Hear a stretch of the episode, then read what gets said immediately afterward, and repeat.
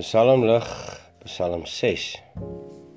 Hierdie Psalm tel onder die sewe boetpsalms saam met 32, 38, 51, 102, 130 en 143.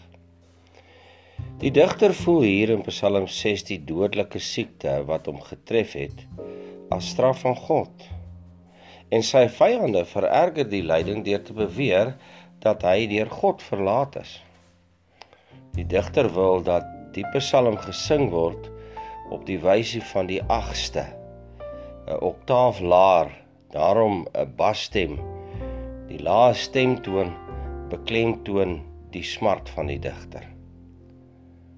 Digter is hier oortuig dat sy lyding bo die maat van liefdevolle kastyding gaan, dat die toorn van God op hom rus, en dit kan hy nie dra nie, en hy beroep hom op die genadige barmhartige verlossing van God. Vers 6 want die dood want in die dood word aan u nie gedink nie. Wie sal u loof in die doderyk? Omdat die Ou Testamentiese gelowige hier nog voor Christus openbaring van die ewige lewe leef, is hierdie gedagte van stilte geen lofsang in die graf. Wat tog waar is en ook is daar 'n verskil in lof aan die kant van die graf waar met geloofsvertroue en verwagting die Here geloof word, maar na die dood word God geloof in aanskouing. Die ergste vir die digter is egter nie in die eerste plek sy liggaam wat siek en verswak is nie, maar wel sy siel wat baie verskrik is, vers 4 en vers 5. Keer terug, Here, red my siel.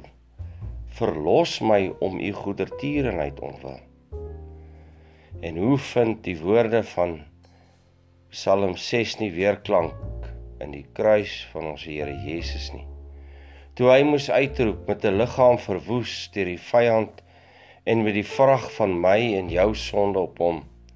My God, my God, waarom het U my verlaat?